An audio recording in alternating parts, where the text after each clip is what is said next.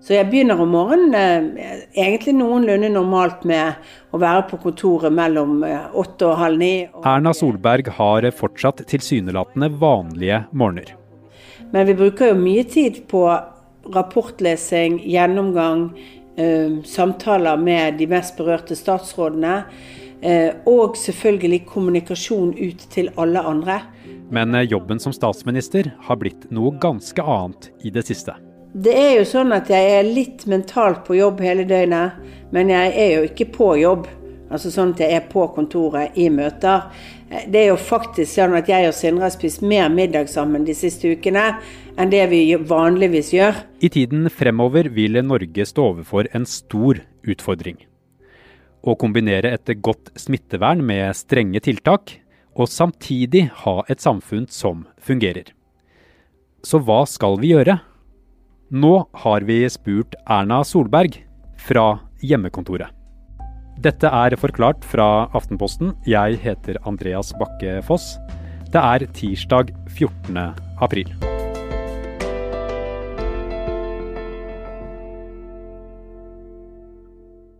Det er mange spor for øyeblikket. Sant? Det ene er smittevernet, sykehusberedskapen, det å jobbe med vedtakene og eh, tiltakene for å begrense smitte.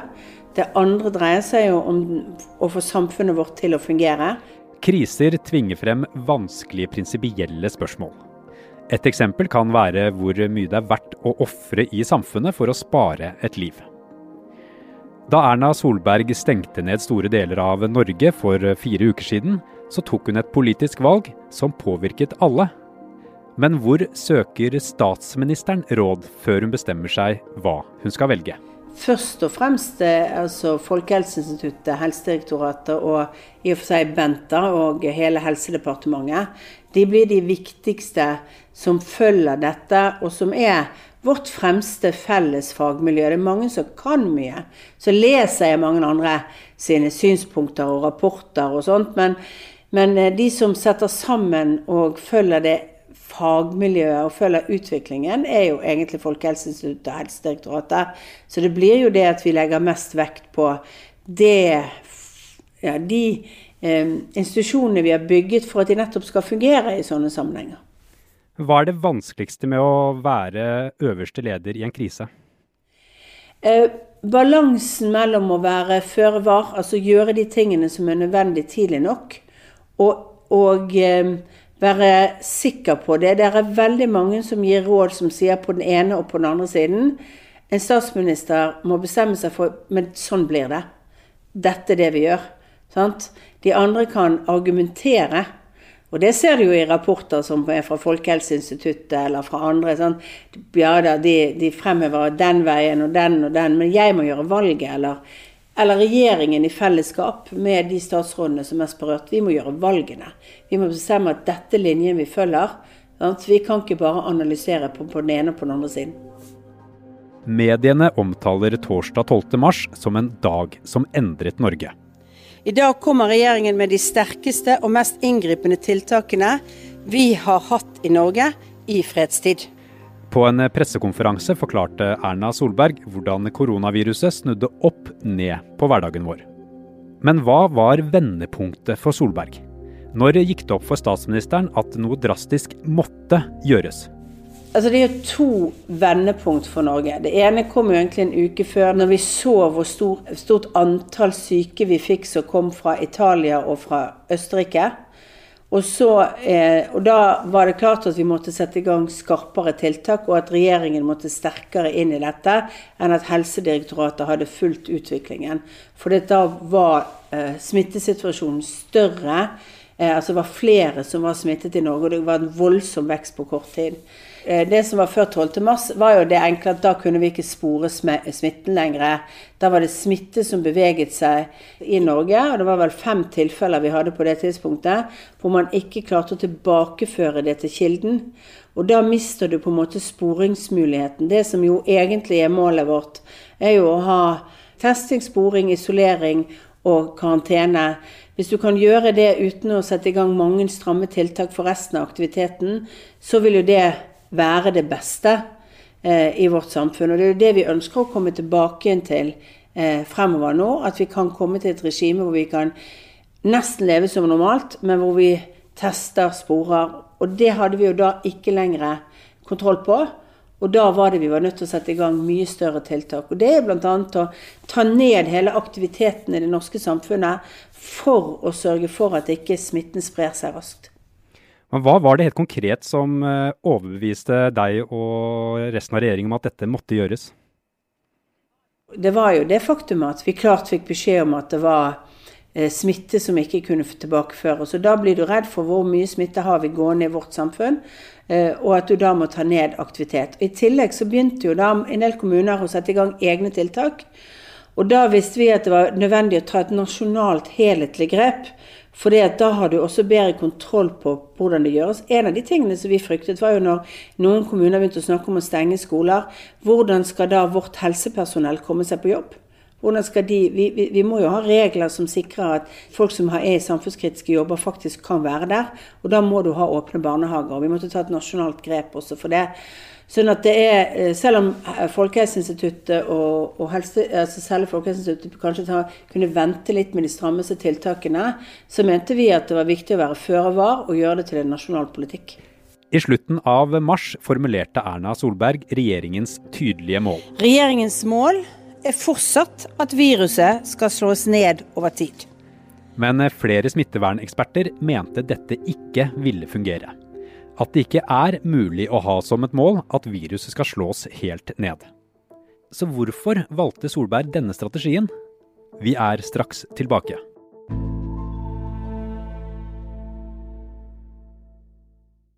Erna Solberg sier hun opplever debatten om de ulike strategiene som litt konstruert. Og Der har regjeringen sagt vi, vi må ha fast fisk før vi går over til andre ting som testing, altså massiv testing, massiv massive sporingssystemer, alt dette. Ja, når vi har ordentlige systemer for å kunne gjøre det, så skal vi gå videre til det. Men før det må vi sørge for at vi holder oss på strenge tiltak som begrenser smitten. Det var litt i forlengelsen av det. Fast fisk, sier du. Hva skal til for å eh, endre denne strategien, da? Bl.a. må vi ha testkapasiteten som vi nå jobber med, opp. Det betyr at eh, de forskningsarbeidet som nå gjøres på andre testmetoder enn den ganske kompliserte testmetoden vi har i dag. Eh, som jo også, som også fagmyndighetene snakker om, at de kan kanskje teste 100 000 i uken. Da er vi oppe på et system hvor vi kan teste folk mye raskere. Og det betyr at du lettere kan gå ned i tidsrom hvor du er i karantene. Du kan teste raskere og sette folk i karantene. Sporingsappen som, som, skal lages, hvor vi kan spore fortere og raskere folk du har vært i kontakt med, sånn at vi får satt de riktige menneskene i karantene etter at de har vært i kontakt med noen som er smittet. Da, da kan du på en måte ha, slippe litt mer opp. Og det er det jeg sier er fast fisk. for det, det er da du kan gå over til at du eh, ikke begrenser for alle, men begrenser for noen. Nå skal Norge på den ene siden begrense smitte med strenge tiltak, men samtidig få samfunnet til å fungere. Og for å beregne hva dette koster samfunnet, har regjeringen fått flere rapporter på bordet. Jeg er opptatt av at vi skal ha et helsevesen som også kan fungere. Og For meg er parameteret ikke kostnadene ved dette. Parameteret er har vi et helsevesen som ikke kollapser under byrden. Det er mitt parameter, ikke pengene. Men det finnes jo også mange andre parametere. Både da dere stengte skolene og da dere sa at de skulle åpne igjen, så var dere jo strengere enn mange av de faglige rådene som kom. Hvordan skiller en eh, politisk beslutning som det seg fra en eh, rent faglig beslutning? En politisk beslutning innebærer også at du må, må vurdere hva hva kan faktisk det norske samfunnet gjøre? Hvordan skaper du størst mulig grad av trygghet? Hvordan klarer du å kommunisere på en måte som gjør at folk følger reglene? Og når vi brukte føre var og gikk litt raskere og stengte litt mer ned 12.3, det var i og for seg en anbefaling fra Helsedirektoratet det vi gjorde. Og det var Helsedirektoratet som fattet det første vedtaket, men det var med tilslutning fra oss og i diskusjon med oss. Etter det har vi jo tatt makten tilbake igjen, at det nå er regjeringen som som vedtar, eh, vedtar hovedtiltakene. Vår begrunnelse er liksom det må være mulig å praktisere i virkelighetens verden. Det må være tydelig nok, folk må forstå det, og det må være eh, vi må ta litt føre-var-hensyn. Når vi f.eks. ikke åpner hele skolen opp fra én til syv, sånn som faganbefalingen var, så er det fordi at vi vet at skolene i Norge ikke har fysisk plass til å ta smittevernregler eh, på en måte som gjør at du kan ha alle elevene der til enhver tid. Og da må vi begynne med noen. Og det er litt kanskje den politiske eh, erfaringen om å være praktiker og måtte vite at jeg skal kunne forklare foreldre at dette er trygt. Da må det også være innlysende for meg at det er trygt, at det kan fungere. Det var ikke innlysende for meg at det var trygt å kunne fungere å ta første til syvende klasse tilbake på skolen i en skole som kanskje ikke hadde mer enn akkurat ett klasserom til hver, til hver klasse. I starten av april kom helseminister Bent Høie med en gladnyhet. Nå viser nye tall fra Folkehelseinstituttet at hver koronasmitta i Norge sannsynligvis smitter, smitter i gjennomsnitt 0,7 annen person. Det betyr at vi har fått koronaepidemien under kontroll. Og dagen etter kunne Erna Solberg si at vi sakte, men sikkert skulle begynne å gå tilbake til et mer normalt liv. Fra 20. april vil vi åpne opp landets barnehager. Fra 27. april skal elever fra 1. til 4. trinn tilbake på skolen og i SFO. Slik situasjonen er nå, mener Solberg det er viktig å omdefinere hva sosial omgang egentlig er. Det beste er på en måte å kanskje glemme det ordet sosial distanse og snakke om fysisk distanse. Får, man får finne gode former for virtuelle klemmer. Og heller kaldt vann nedover ryggen på dem som måtte tro at sommeren blir normal i Norge. Denne sommeren blir ikke sommeren for de store konsert- og festivalopplevelsene med eh, tusen andre til stede. Kan vi i det hele tatt vite noe som helst om fremtiden?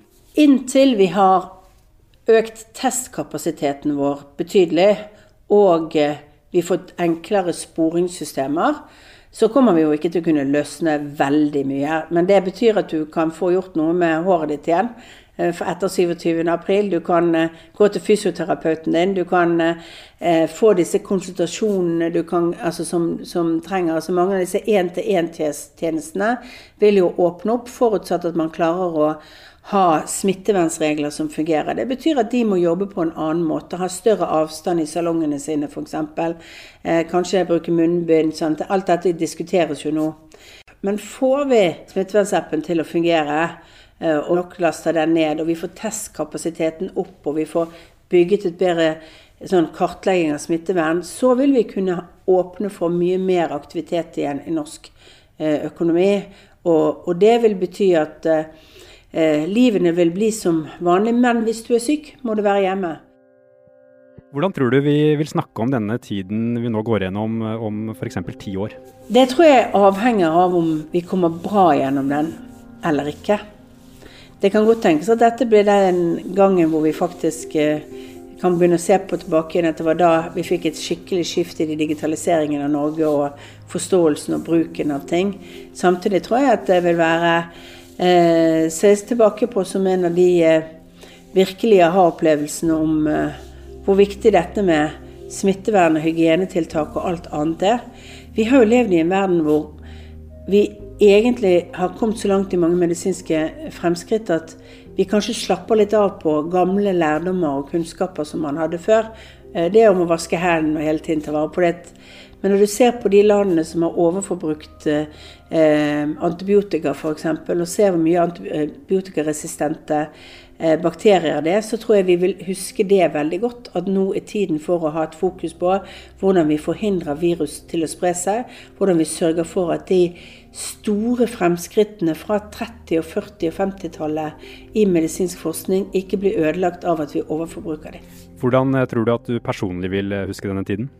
Jeg vil vel huske dette som den absolutt vanskeligste eh, situasjonen vi har vært oppe i. Og det som jo er utfordringen, er at den økonomiske tilbakegangen som verdensøkonomien er inne i, også Norges økonomi, den kommer til å sette seg med virkninger i en periode fremover. Vi kommer til å måtte ha en skikkelig jobbskapingsdugnad etter dette.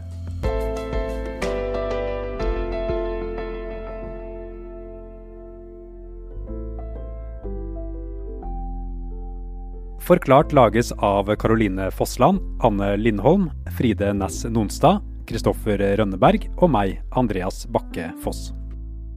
I denne episoden har du hørt lyd fra regjeringens nett-TV.